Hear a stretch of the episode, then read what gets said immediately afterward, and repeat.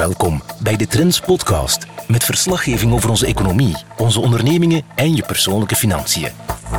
Met extra aandacht voor de coronacrisis en de oplossingen die ons helpen de impact te verzachten en de schade te beperken.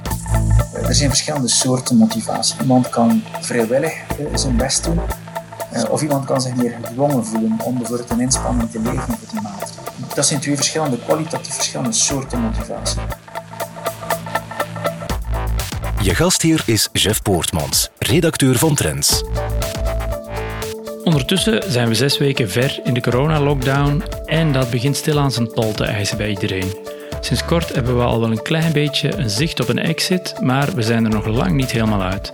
En om de komende periode collectief als samenleving goed door te komen, zijn twee zaken cruciaal: communicatie en motivatie. Dat blijkt althans uit het onderzoek van onze gast van vandaag. Ik ben uh, Maarten van Steenkester. Ik ben werkzaam als uh, hoogleraar aan de Universiteit Gent in de faculteit Psychologie en Pedagogische Wetenschap. En ik ben eigenlijk uh, ontwikkelings- en motivatiepsycholoog, waarbij we de vraag stellen hoe we mensen kunnen motiveren om eigenlijk het beste van zichzelf te geven. Maarten en zijn collega's zijn onmiddellijk na de lockdown in maart begonnen met een onderzoek en bevraging bij de Belgische bevolking. Daarin peilen ze naar onze collectieve motivatie om de lockdown-maatregelen op te volgen. Dag na dag meet Maarten onze motivatie en dat levert toch wel interessant gespreksvoer op. Dus ja, we zijn inderdaad zeer snel na het begin van de lockdown-periode vanaf 19 maart specifiek begonnen met het eigenlijk dagelijks in kaart brengen van de motivatie van de bevolking om zich aan de maatregelen te houden. En de reden waarom dat we vonden dat dat een zeer relevant thema was, dat is omdat je op basis van mensen eigenlijk iets uh, meer kunt vertellen over de mate waarin dat ze zich houden aan de maatregelen. En dat er een plan zijn om dat te doen in de toekomst. En dus ja, we zijn uh, sinds die, die, eerste week uh, nu al een vijftal weken bezig. dus dag in dag uit om tussen de 500 tot 1000 personen per dag komen erbij. en dus die, die steekproef, waardoor we eigenlijk een soort motivatiebarometer hebben. We houden eigenlijk de vinger aan de pols om dagelijks die motivatie in kaart te brengen en proberen ook daar rapporten uit op te maken om te zien of er evoluties zijn. En in die afgelopen weken, wat zijn de voornaamste resultaten die uit jullie onderzoek naar boven zijn gekomen en vooral hoe zijn die geëvolueerd? Dus we hebben eigenlijk gezien vanaf het begin van die lockdown dat mensen uitermate gemotiveerd waren om zich te schikken naar die maatregelen. Wat toch gegeven het zeer drastisch ja, het drastisch karakter van die maatregelen niet zo evident was, maar je zag eigenlijk enorm veel draagvlak daarvoor. Mensen waren overtuigd van de noodzaak van de maatregelen, eh, begrepen dat die relevant waren, dat die nodig waren. En we noemen dat eigenlijk uh, vrijwillige motivatie. Het was eigenlijk vooral op basis van eigen initiatief dat mensen bereid waren om zich met die maatregelen te schikken. En als we dat procentueel uitdrukken, dan was er eigenlijk 81% van de bevraagde deelnemers bereid om zich daar helemaal uh, naar te schikken, naar die maatregelen. Wat toch ja, vier vijfde is van de bevolking die uitermate uh, gemotiveerd was. Nu, doorheen die, die verschillende weken zijn we natuurlijk de mensen blijven volgen. Niet dezelfde groep, maar iedere dag stromen er dus nieuwe mensen binnen. En je ziet dat um, dat begint wat af te vlakken aanvankelijk. Na een week of drie daalde dat naar 76%, die daar ten volle achter stond, 5% daling. Maar nu dan, afgelopen week, Um, dus vijf weken na het begin zien we dat dat verkruimelt tot 63 procent.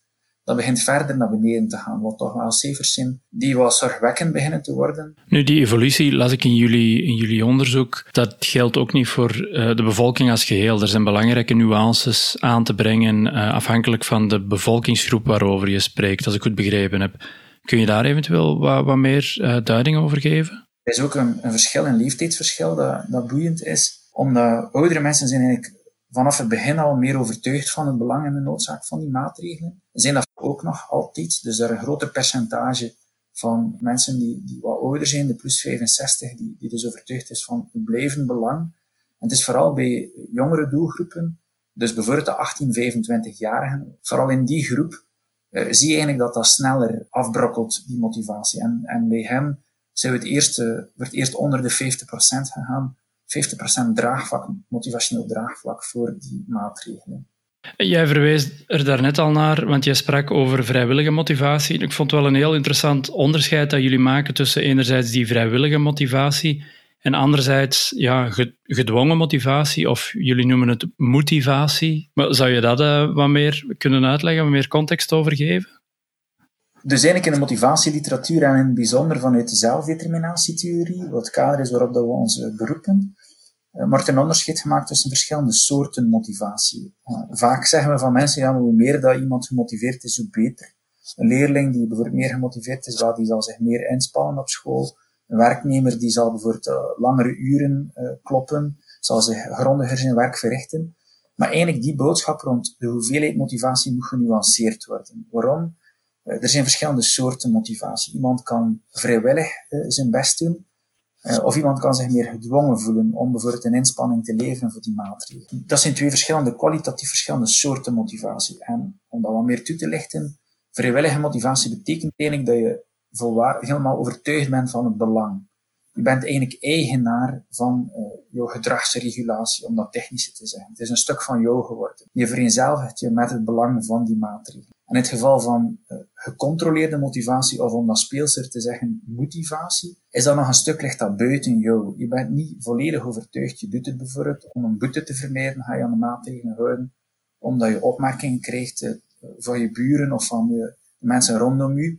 Eh, die dus zich kritisch uitlaten bijvoorbeeld. En om dus die, aan die externe druk te beantwoorden, hou je aan de maat. En dus de, dat is een type motivatie waarbij dat eigenlijk niet zozeer gekenmerkt wordt door willen, maar eigenlijk eerder door moeten. Ja, en dan kijkend naar de situatie waar we nu allemaal in zitten, uh, die twee types motivatie, vrijwillige motivatie en motivatie. Hoe moeten we die bekijken binnen de huidige context van de coronacrisis en de lockdown waarin we zitten? Omdat eigenlijk, ja, de, de, ene type motivatie is veel meer voorspellend voor de mate waarin dat we volhouden dan het andere. Als iemand iets doet op eigen initiatief, wel, dan doe je het grondiger, uh, dan ga je er uh, ook bij moeilijkheden meer volharden, dan wanneer eigenlijk iets wordt gedaan omdat het moet. Als het moet, dan kost dat veel meer energie. En ga je dus eigenlijk ook je zelfbeheersing, want ik denk, vandaag wordt er zeer veel gevraagd, zeer veel zelfbeheersing en doorzettingsvermogen van de bevolking. Maar zelfbeheersing gaat rapper in elkaar stuiken op dat ogenblik. Omwille van het meer uitputtend karakter van die motivatie. In dat opzicht is het zeer cruciaal, en was het ook zeer positief, dat dus die vrijwillige motivatie vanaf het begin zo hoog lag. Um, maar nu zie je dat dat begint af te nemen, en tegelijkertijd zien we een lichte stijging in die motivatie. Ja, en is dat dan in maten waarover we daar ongerust moeten voor zijn? Of uh, valt dat momenteel nog mee? Is, was het zo dat, omdat in het begin die vrijwillige zo hoog lag, dat we een beetje een buffer hadden om op terug te vallen en dat ze wel wat kon zakken? Inderdaad, ik denk dat, er wel een buffer was. Het, het echt kritische eh, punt is het, het ogenblik waarbij dat eigenlijk die vrijwillige motivatie zakt onder het niveau van die motivatie. En we zijn sinds kort ook begonnen met eigenlijk meer demotivatie in kaart te brengen. Want tot nog toe vroegen we alleen waarom ben je gemotiveerd, ervan uitgaande dat de bevolking eigenlijk uh, grosso modo gemotiveerd was. En, en dat bleek ook zo. Maar sinds vorige week donderdag brengen we eigenlijk ook het gebrek aan motivatie in kaart. En dat zijn mensen die bijvoorbeeld beginnen te twijfelen aan de globale aanpak uh, van de regering. Dus die vinden het eigenlijk uh, te lastig, uh, die kunnen het niet meer opbrengen. Die hebben het gevoel dat het ook niet meer altijd lukt. En dus er ontstaat een zekere moedeloosheid, een zekere hulpeloosheid omtrent het volgen van de maatregelen. En als dit natuurlijk samen met die motivatie de bovenhand begint te nemen, ten koste van die vrijwillige motivatie, ja, dan gaan we denk ik echt ja, in een lastig parket zitten. Je gaat dat ook onmiddellijk zien, dat, alle maatregelen, mensen beginnen die systematisch aan hun laars te lappen. Wat we eigenlijk ook al wat zagen, we zagen meer nonchalance in het volgen van de maatregelen, denk ik. Uh, wat je je kon opmaken uit het feit dat meer en meer boetes moesten uitgedeeld worden om iedereen ook in het gareel te houden. Maar jullie, en dat vond ik ook wel leuk om te lezen, jullie geven ook, ook een aantal tips, uh, ten eerste aan de mensen zelf, over hoe dat ze die vrijwillige motivatie bij zichzelf eventueel hoog kunnen houden of opkrikken. Um, psychologische vitamines noemden jullie het. Ja, zou je eventueel wat meer over die psychologische vitamines kunnen uitleggen? Wat houden die precies in en wat zijn ze?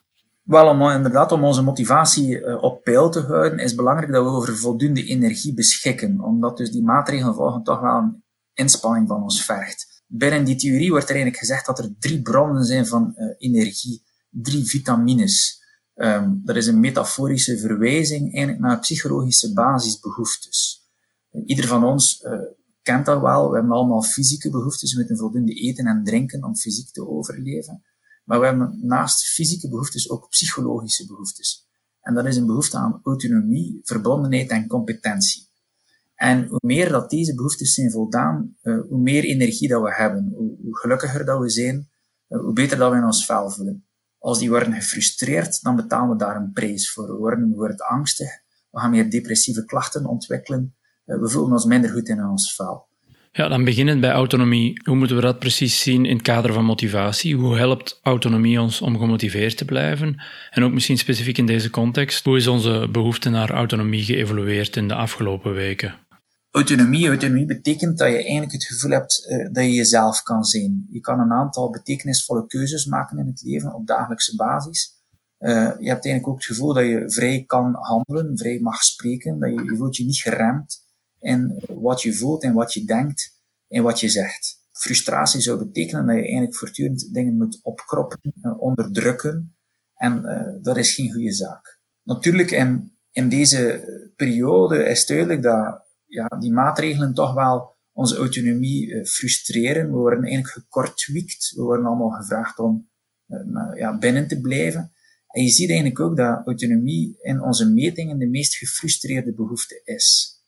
Desalniettemin, en dat vind ik zelf een interessante bevinding, is het zo dat mensen toch vrijwillig kiezen om zich aan die maatregelen te houden. Want je zou aan de ene kant kunnen zeggen, ja, maar die zijn opgelegd, die zijn sterk autonomie frustrerend, en tot op een bepaalde hoogte is dat zo. Maar ook om, maar net omdat we ons kunnen of vereenzelvigen met die maatregelen, voelt dat niet helemaal aan als een keursleef. Kunnen we het eigenlijk nog accepteren in de situatie waar waar we vandaag ons in bevinden? Ja, en jullie spreken over die behoeftes ook in, uh, in de ABC-vorm. Um, en dan de volgende is, is verbondenheid. Um, hoe is onze verbondenheid of ons gevoel of onze behoefte naar verbondenheid de afgelopen weken ge geëvolueerd? Dan heb je de B van verbondenheid, dus de A van autonomie, de B van verbondenheid, die B staat daar ergens tussenin. Wat is verbondenheid? En daarover is er natuurlijk veel sprake ook in de media, dat, dat cruciaal is dat we blijven sociale contacten onderhouden ja, de, de intimiteit, de fysieke intimiteit schiet er natuurlijk vandaag bij in. We zoeken naar allerlei digitale mogelijkheden om met elkaar te connecteren. We slagen daar denk ik ook wel in, als je ziet naar de cijfers althans, is dat eigenlijk de meest voldane behoefte, uh, bij meerderjarigen althans. Is dat dankzij die digitale tools dat wij nu voorhanden hebben, die we bijvoorbeeld vroeger niet hadden? Of wat is jouw verklaring daarvoor? Absoluut. Ik denk dat dat een, echt een groot geluk is dat we vandaag beschikken over al deze kanalen, uh, die sociale media, om met elkaar in contact te blijven. Stel dat deze crisis ja, 20 jaar geleden was uitgebroken, dan denk ik dat die veel lastiger zou geweest zijn dan vandaag. Iedereen zit denk ik in WhatsApp-groepjes, zit via Facebook geconnecteerd, via Instagram, via ja, allerlei, eh, ja, ook eh, gewoon videocalls, zie je eigenlijk elkaar nog. En dat contact is natuurlijk uitermate belangrijk uh, om eigenlijk die banden te blijven behouden.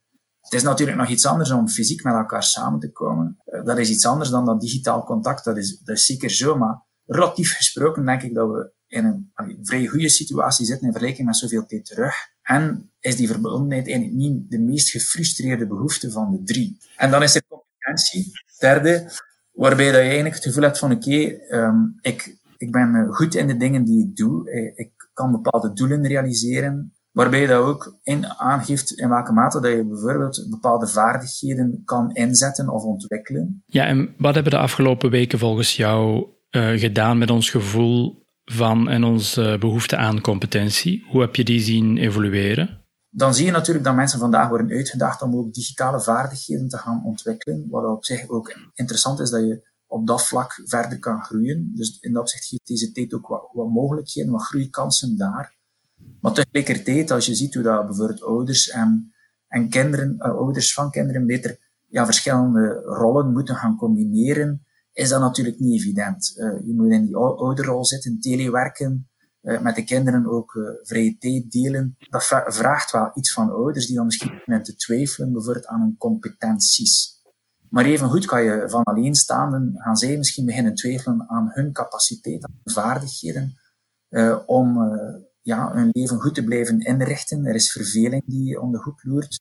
En de vraag is, voel ik me bekwaam om met die verveling om te gaan? Competentie is in dat opzicht ja, de behoefte die die als tweede eruit komt. Dus autonomie is de meest gefrustreerde. Dan heb je competentie is meer voldaan en verbondenheid is eigenlijk degene die het meest is voldaan van de drie. Ja, ja, ja. En jullie hebben dan ook adviezen uh, die, die mensen kunnen opvolgen om die drie competenties bij zichzelf een beetje op te krikken. Ik had bijvoorbeeld, ik had vorige week een week verlof en om een of andere geflipte reden dacht ik dat het een goed idee was om een online cursus programmeren te volgen. Was dat dan um, mijn manier om aan mijn competentie te werken en me op, op die manier een beetje te motiveren? Of uh, hoe moet ik dat zien? Ja, ik denk het, ja, dat dat een mooi voorbeeld daarvan is. Je, je kan inderdaad, voor de, voor de bevrediging van die behoeftes zijn wij in, in grote mate afhankelijk van een omgeving die al dan niet die behoeftes ondersteunt. En ouders doen dat ten aanzien van hun kinderen, partners ten aanzien van elkaar, een werkgever ten aanzien van een werknemer. Maar natuurlijk zou het ook interessant zijn om, om ergens een, een strategie te vinden om je eigen behoeftebevrediging, om je eigen vitamines uh, te optimaliseren, om, om toegangswegen te vinden naar behoeftebevrediging en dus naar meer energie. En in dat opzicht is het belangrijk om stil te staan bij uh, wat dan inderdaad die drie behoeftes voor u ergens kan uh, bevredigen, op welke manier dat je eigenlijk voor een stuk eh, ondersteuning zelf kunt opzoeken van die behoeftes. Wat doen we dan eigenlijk? We vragen aan mensen om, om keuzes te maken rond potentieel behoeftebevredigende activiteiten. En we moedigen hen aan vanuit dat bewustzijn om actief in te zetten op het uh, bevredigd krijgen van die behoeftes. Ja, en ik neem aan dat dat voor iedereen een beetje individueel te bepalen is. Niet, het is niet zo dat er voor iedereen dezelfde behoeftes en de behoeftebevredigende activiteiten gelden natuurlijk zaken die, ja, dat kan zeer divers zijn. Voor de ene persoon betekent dat bijvoorbeeld, ik ga een boek lezen. Uh, dat is echt iets dat ik wil doen. Of ik ga uh, een keer een fotoalbum maken van uh, vorige zomer van de vakantie. Dus ik heb daar nu meer tijd voor.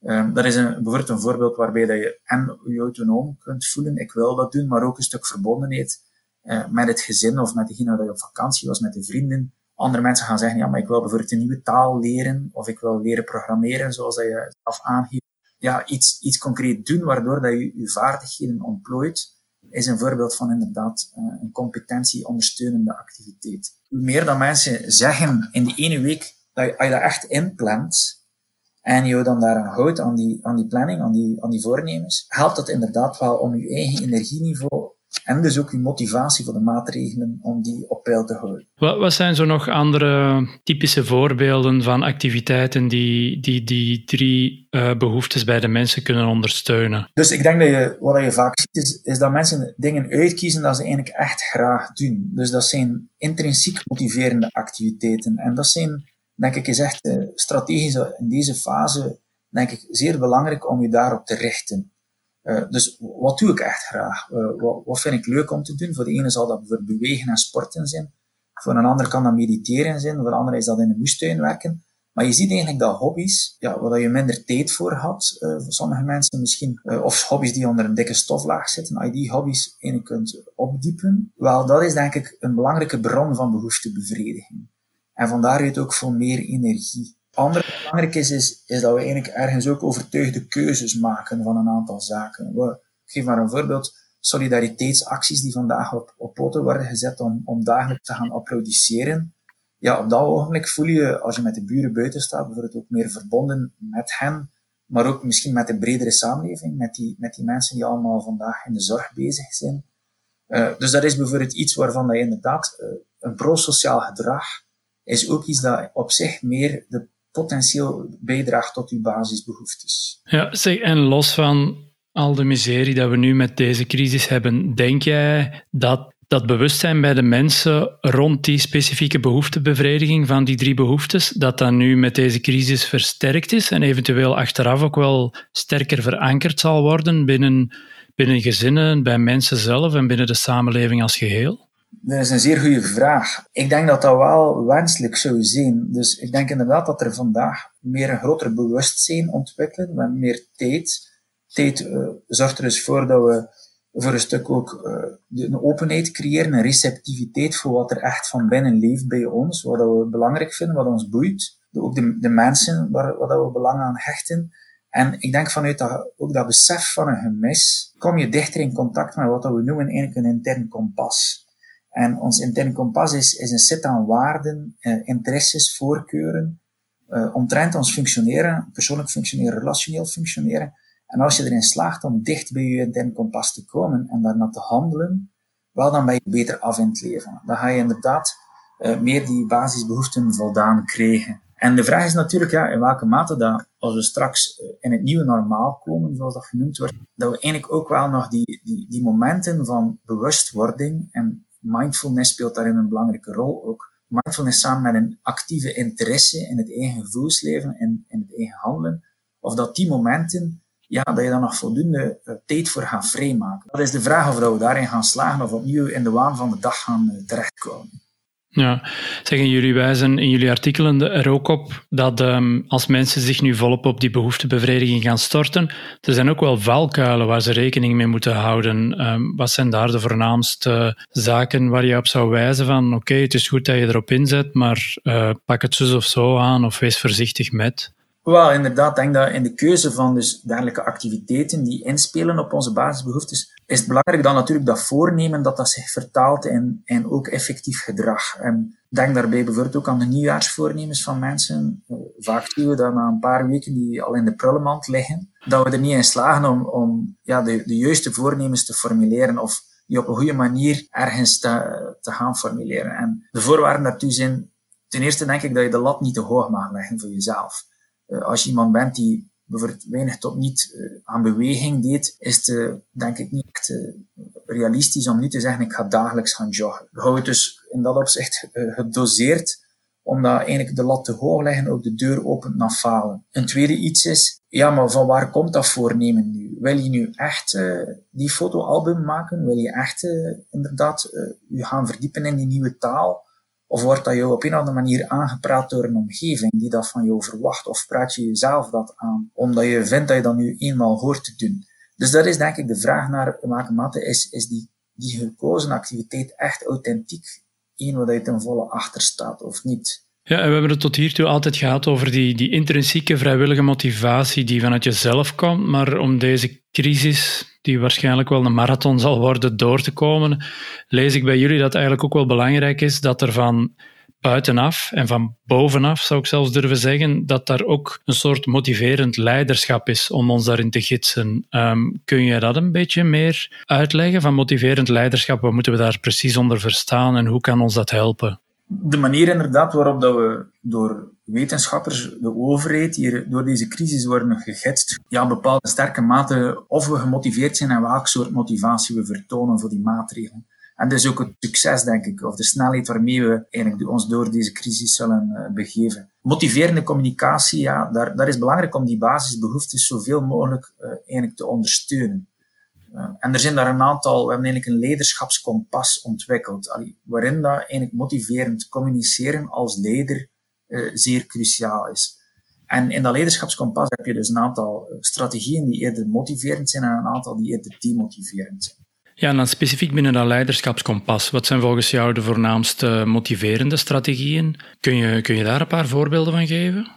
Wat is een voorbeeld van, van een motiverende aanpak? Is dat je participatief te werk gaat. Dat betekent dat je eigenlijk uh, voldoende draagvlak creëert voor bepaalde beslissingen of dat draagvlak aftoetst.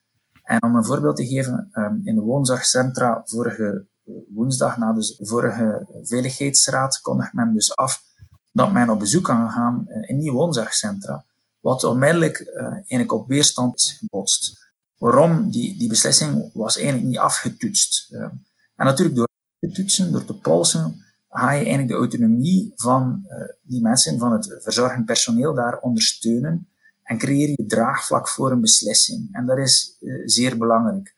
Uh, draagvlak, zeker als we, als we eigenlijk naar verschillende snelheden bijvoorbeeld zouden gaan in het versoepelen van de maatregelen en bepaalde doelgroepen bijvoorbeeld iets langer in de marathon moeten blijven. Um, ja, dan is de vraag hoe ga je dat eigenlijk voor een stuk aftoetsen? Bestaat er daar draagvlak voor of niet? En hoe kan je dat dan gaan duiden? Want duiding is dus een tweede belangrijk iets. Uh, een goede uitleg geven, een logische uitleg voor het waarom, zodat mensen ook ten volle snappen waarom je iets van hen verlangt. Want dan komen we eigenlijk bij de tweede belangrijke pijler van jullie bevraging en onderzoek, dat is die rond het belang van communicatie. welke rol zal communicatie in de komende weken volgens jou spelen om, om deze crisis um, ten goede door te komen? Wel, om dat scherp te stellen, ik, zeg, ik denk dat de communicatiestijl de zaak hier maakt of kraakt. Um, de manier waarop dat er dingen worden gecommuniceerd, dat dat ofwel dus voor houvast zal zorgen, En een grotere bereidheid om ons allemaal te blijven inzetten voor uh, die maatregelen. Want we zitten uiteindelijk in een marathon, dat is de metafoor dat we gebruiken. En we beginnen moe te worden. Um, we komen misschien de man met de hamer tegen, maar want die motiverende communicatie zorgt er natuurlijk voor dat we ons kunnen blijven opladen, motiveren om door te gaan. En natuurlijk, als je demotiverend communiceert, dan ga je verwarring uh, zaaien, onrust in de bevolking. Gaan mensen beginnen op dat moment zich ook af te zetten en voer te zeggen ten aanzien van die maatregelen. Wat zegt jullie, wat zegt jullie bevraging over um, hoe dat die communicatie bij de bevolking nu wordt ervaren en ontvangen? Doorgaans, allee, gemiddeld gezien, uh, meer positief dan negatief, dus meer motiverend dan demotiverend, alhoewel dat het verschil relatief klein is. Um, er is dus wel wat ruimte voor verbetering. En wat je vooral ziet, er zit eigenlijk zeer veel variatie op die perceptie van, van de mate waarin dat overheid motiverend communiceert. Ik denk dat sommige mensen vinden dat ze zeer goed communiceren. En anderen vinden eigenlijk dat ze schabouwelijk communiceren. Gemiddeld gezien zie je wel dat de positieve ervaringen nog doorwegen op de, op de negatieve. Zou het volgens jou beter zijn dat, uh, dat die perceptie minder in extreme verloopt, maar dat we ons misschien allemaal meer naar het midden begeven en dat we, oké, we zijn wel tevreden, het kan wat beter, maar uh, in plaats van dat we nu die extreme polen zien? Ik denk dat die extreme polen te maken hebben met het feit dat bepaalde doelgroepen zich misschien meer uh, benadeeld voelen in, in de huidige situatie. Die bekijken dan dat inderdaad vanuit hun perspectief op een vrij negatieve manier. Ik denk dat wat er wenselijk zou zijn, is dat iedereen de situatie als meer motiverend uh, waarneemt. Dus, dus een gemiddelde zou zijn dat we, laten we zeggen, allemaal wat naar elkaar toe groeien. Maar ja, dat is op zich denk ik één iets. Ik denk dat nog beter zou zijn, dat indien we allemaal meer overtuigd zijn dat er goed en motiverend wordt gecommuniceerd. En bijvoorbeeld Merkel, eh, Angela Merkel heeft dan denk ik op een zeer heldere manier ook dingen toegelicht. Zeer veel duidelijkheid gecreëerd met een met uitleg, uh, waardoor de bevolking ook begrijpt waarom dat zaken nodig zijn. Ook zeer concreet dingen benoemd. En dat is denk ik zeer cruciaal. Ja, dan specifiek rond communicatie. Jullie uh, onderzoek en jullie artikelen verwijzen naar een aantal kernelementen die een goede, motiverende communicatie moet bevatten. Uh, welke elementen zijn dat zoal? Duiding is één, zeer goed uh, uitleggen waarom iets belangrijk is, uh, zodat er begrip komt. Een tweede iets is zeer concreet zijn over wat je van de bevolking verwacht, zodat mensen ook weten waar dat ze aan toe zijn, wat moeten we doen en hoe moeten we dat doen. Bijvoorbeeld anderhalve meter afstand, wat betekent dat inderdaad voor een winkel, dat we ook op de grond dat gaan afplakken, of dat we bijvoorbeeld een loopparcours in een winkel gaan uittekenen. Hoe, concreter dat dat is, hoe makkelijker dat mensen zich kunnen houden aan maatregelen en hoe meer dat ze ook gemotiveerd zijn om dat te doen. Een derde iets is voldoende, denk ik, erkentelijk zijn in de inspanningen die de bevolking doet, positief over zijn uh, in dat opzicht. En ik denk dat dat iets is waarbij dat politici en wetenschappers dan misschien nog iets meer in de verf mogen zetten. Een vierde iets is dat we proberen eigenlijk aan te geven dat onze, ons gedrag een impact geeft op uh, de cijfers, dus dat het resultaat oplevert. Op het ogenblik dat we eigenlijk de maatregelen lossen, als we niet langer gemotiveerd zijn om het te doen,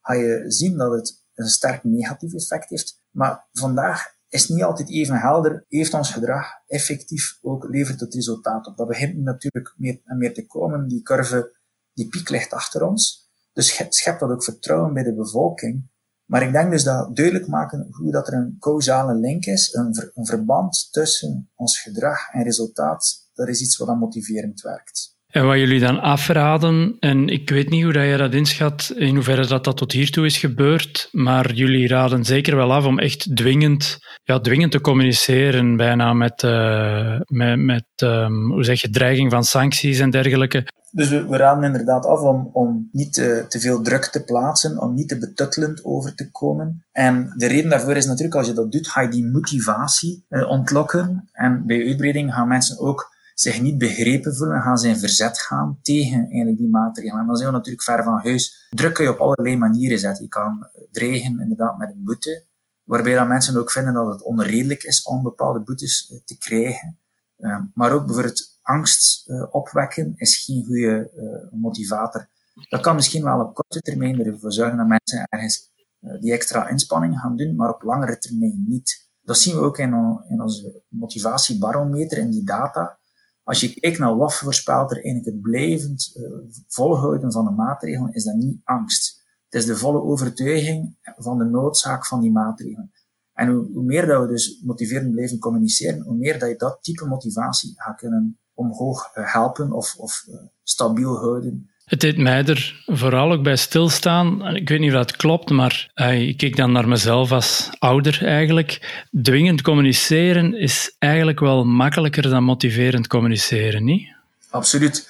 Ik denk dat, zeker op het ogenblik dat mensen beginnen uh, niet langer in de pas lopen, en als ouder is dat natuurlijk ook, je uh, doet niet wat je verlangt. Op dat ogenblik is het zeer verleidelijk om eigenlijk ja, dwingend te gaan communiceren. We gaan de oproepen, we gaan het verplichten om, om bijvoorbeeld in de pas te lopen, anders gaan we er een sanctie aan koppelen. En dat is eigenlijk niet de meest wenselijke strategie op dat ogenblik. Je, je ziet dat ook, denk ik, als ouder, als je omgaat met je kind, dan zie je weerstand naar boven komen. En in plaats dat je eigenlijk naar elkaar toe groeit, zie je dat de afstand toeneemt. En vaak escaleert zo'n situatie. Nu, even om mijn ouderlijk geweten te sussen en, en me niet al te schuldig te voelen, maar is het überhaupt altijd haalbaar om motiverend te communiceren? Is het dat we altijd kunnen toepassen of, of zijn er uitzonderingen? In sommige eh, omstandigheden is het ook zo dat een kind of, of bijvoorbeeld een politieagent in verhouding tot, tot iemand die de maatregelen overtreedt, is het niet makkelijk om motiverend te blijven communiceren. Als iemand spuwt in je gezicht, om maar een extreem voorbeeld te geven, ja, dan is dat denk ik een frontale overtreding die ook wel een dergelijke reactie oproept.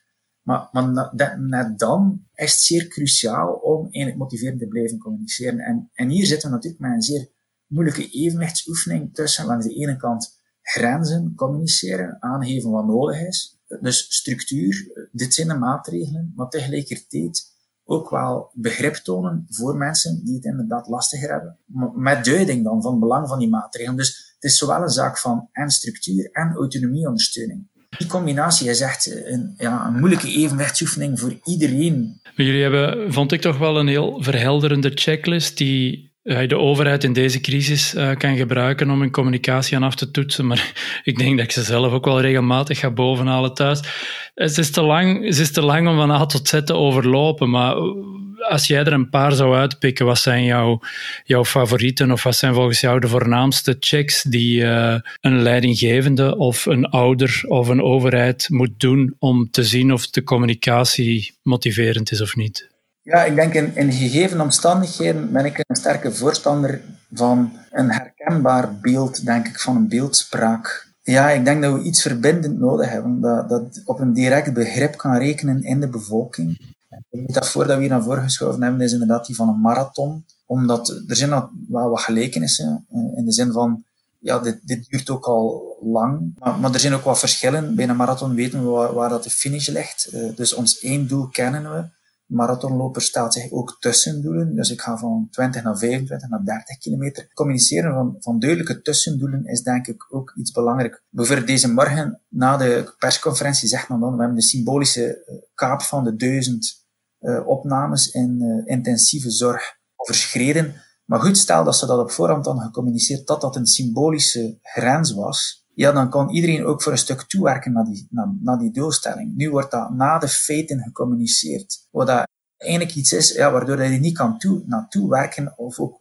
je daaraan optrekken om je eigen motivatie te versterken. Ja, die beeldspraak van, van uh, de marathon helpt daarin. Ik denk ook als sommigen bijvoorbeeld eerder over de finish komen dan anderen, uh, dan is de bedoeling dat die ingeschakeld worden om voor te gaan supporteren voor zij die nog in de marathon zitten. Ook in elke marathon zijn er snellere en tragere lopers. Door eigenlijk te rekenen op het feit dat degenen die over de eindstreep zijn ook nog een een supporter zijn, ga je ook verbindend werken. En ik denk dat die verbinding ja, hier echt wel belangrijk is. Kijken ze naar jullie onderzoek of, of adviseren jullie rechtstreeks uh, de overheden en de verschillende crisisgroepen en, en uh, overleggroepen die er zijn? Of, of is het meer van, van op afstand?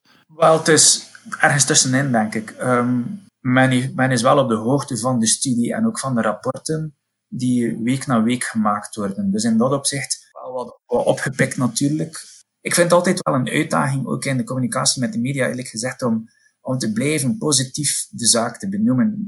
Men heeft nogal de neiging soms vanuit de media om te zien, oké, die motivatie gaat naar beneden. U, u stelt daar straks de vraag, terecht, hè, de, de nuance van, oké, maar we zijn nog altijd, we zijn hoog begonnen. Dus vandaag is het eigenlijk nog niet, het is nog niet helemaal dramatisch, maar in de communicatie, of in de gesprekken met journalisten, zie je vaak dat men op zoek gaat naar wat vindt u eigenlijk niet goed? En dus mijn kritische stem komt dan in de krant, bij manier van spreken. Ik wil eigenlijk vooral positief communiceren ook en zeggen, ja, ik vind dat we begrip moeten hebben voor mensen die vandaag in de cockpit zitten, die daar ja, een aardsmoeilijke taak uh, uitoefenen. En hen blijven motiveren en stimuleren is wel zeer cruciaal. Want als je hen gaat afbreken, denk ik, dan gaat dat een, ja, een verder negatieve impact hebben op hun communicatiestijl. Dus, maar eigenlijk vind ik dat de, dat we moeten optimistisch communiceren. Natuurlijk, we moeten de cijfers ook in rekening brengen. Daar niet, niet te nagelaten. Maar... Nu, misschien, en dat is een persoonlijke noot, maar wat doet een motivatiepsycholoog zoals jezelf dagelijks, in jouw dagelijkse routine? Zijn er zaken die jij doet om, om dat bij jezelf op peil te houden? Bijvoorbeeld, uh, met de kinderen vind ik dit nu een mooie periode om met de kinderen dingen te doen. Uh, om daar ook bewust voor te kiezen om uh, dagelijks iets met hen te doen. Vaak iets van, van gezelschapsspel, uh, sport, beweging, is dat we samen doen. Iets anders is denk ik, ja, ik trek mij nu wel persoonlijk ook op aan, aan het feit dat we als wetenschappers kunnen proberen om, om ergens toegevoegde waarde te bieden in deze crisis. Ja, dat wil ik eigenlijk ook nog vragen, al wat we hier besproken hebben rond motivatie en, en communicatie. Het stoelt allemaal wel op wetenschappelijk onderbouwde experimenten en, en, en, empirische gegevens, als ik goed begrepen heb. Dus inderdaad, eh, het werk dat we, dat we naar buiten brengen is, uh, zoals dat genoemd wordt, evidence-based. Het is gebaseerd op jarenlang onderzoeksmateriaal, in bijzonder op een theorie, de zelfdeterminatietheorie, die reeds in ontwikkeling is sinds de jaren 70, waarbij dat de eerste vragen die gesteld waren, was of het eh, uitrekenen van een beloning aan iemand die iets uh, spontaan boeiend vindt, iemand die dus een activiteit dat hij intrinsiek motiverend vindt. Maar als ik nu een beloning geef, wat doet dat dan met het, die spontane interesse in die taak? En dan zie je eigenlijk op het ogenblik dat je de beloning wegneemt, dat eigenlijk de interesse voor een stuk gedaald is. Allee, in de tijd, we spreken nu van de jaren 70, was dat een, een baanbrekende bevinding. Omdat dat vereiste om die bevinding te duiden, vereiste dat een, een nieuw mensbeeld. We zijn dus niet in dat opzicht mensen die passief zijn, die gestuurd worden door externe uh, stimuli, door de omgeving. Uh, net zoals we een dolfijn gaan africhten met, met beloningen en met, met, straffen. Nee, mensen zijn van nature actief en, en de directe manifestatie van die natuurlijke activiteit is bijvoorbeeld intrinsieke motivatie. We zijn ook van nature geneigd om te helpen en solidair te zijn. Dat zie je hier ook in deze crisis. In plaats van ervan uit te gaan dat dat eigenlijk zaken zijn die, die ofwel moeten aangeleerd worden, wordt hier vanuit deze theorie gezegd, ja maar oké, dit zit er reeds ingebakken in onze menselijke natuur. Natuurlijk, dit moet gevoed worden. Je moet dat opbouwen, je moet dat meehelpen onderhouden uh, en ontwikkelen aan de hand van die uh, ondersteuning van die drie basisbehoeftes, van dus dat A, B, C. En hoe meer dat je daarin investeert, hoe meer dat je ziet dat eigenlijk die natuurlijke groeitendensen naar boven komen. Dat, dat is denk ik een zeer hoopvolle visie, die ook door onderzoek ondersteund wordt. En wij met onze groep proberen dan in allerlei, eh, ter, op allerlei terreinen, gaande van opvoeding tot sportcoaching, tot uh, motiverend lesgeven, maar ook werk bijvoorbeeld, motiverend leiderschap op de werkvloer. Vandaar ook de spin-off impetus dat we daar ontwikkeld hebben, omdat er daar meer en meer vraag naar is om eigenlijk die ideeën naar buiten te brengen en ook, uh, nu ook praktisch werkbaarder te maken. Oké, okay, Maarten van Steenkisten, hartelijk bedankt voor uh, jouw tijd en inzichten. En veel succes nog met, uh, met het verdere onderzoek en de bevraging. Zeer goed, het was aangenaam. Tot zover deze aflevering van de Trends Podcast. Aan het einde van het gesprek voelde ik me toch al een beetje beter gewapend om de komende weken zonder mentaal-psychologische kleerscheuren door te komen. Voor de nieuwsgierigen onder jullie, die kunnen meer informatie vinden op de website van Maartens onderzoeksgroep. En daar kun je ook de bevraging invullen waar we over spraken. De link vind je in de beschrijving van deze podcast. U luisterde naar de Trends podcast met een update over onze economie, onze ondernemingen en je persoonlijke financiën. Ja, even een kanttekening. In jullie stuk stond er Angelina Merkel, dus je zat misschien met je gedachten ergens anders. Ja, ja. is waar. Maar of, uh, het, is, het is misschien al ondertussen al verbeterd, maar uh, ik, ik, las Angelina en ik verwachtte iets en toen las ik Merkel. Ik zeg nee, ja. dat klopt niet. Dat klopt inderdaad niet. Deze podcast kan je beluisteren op trends.be-podcast via Soundcloud, Spotify en iTunes. Aarzel niet om ons te delen via social media of om een recensie achter te laten op uw favoriete podcastplatform.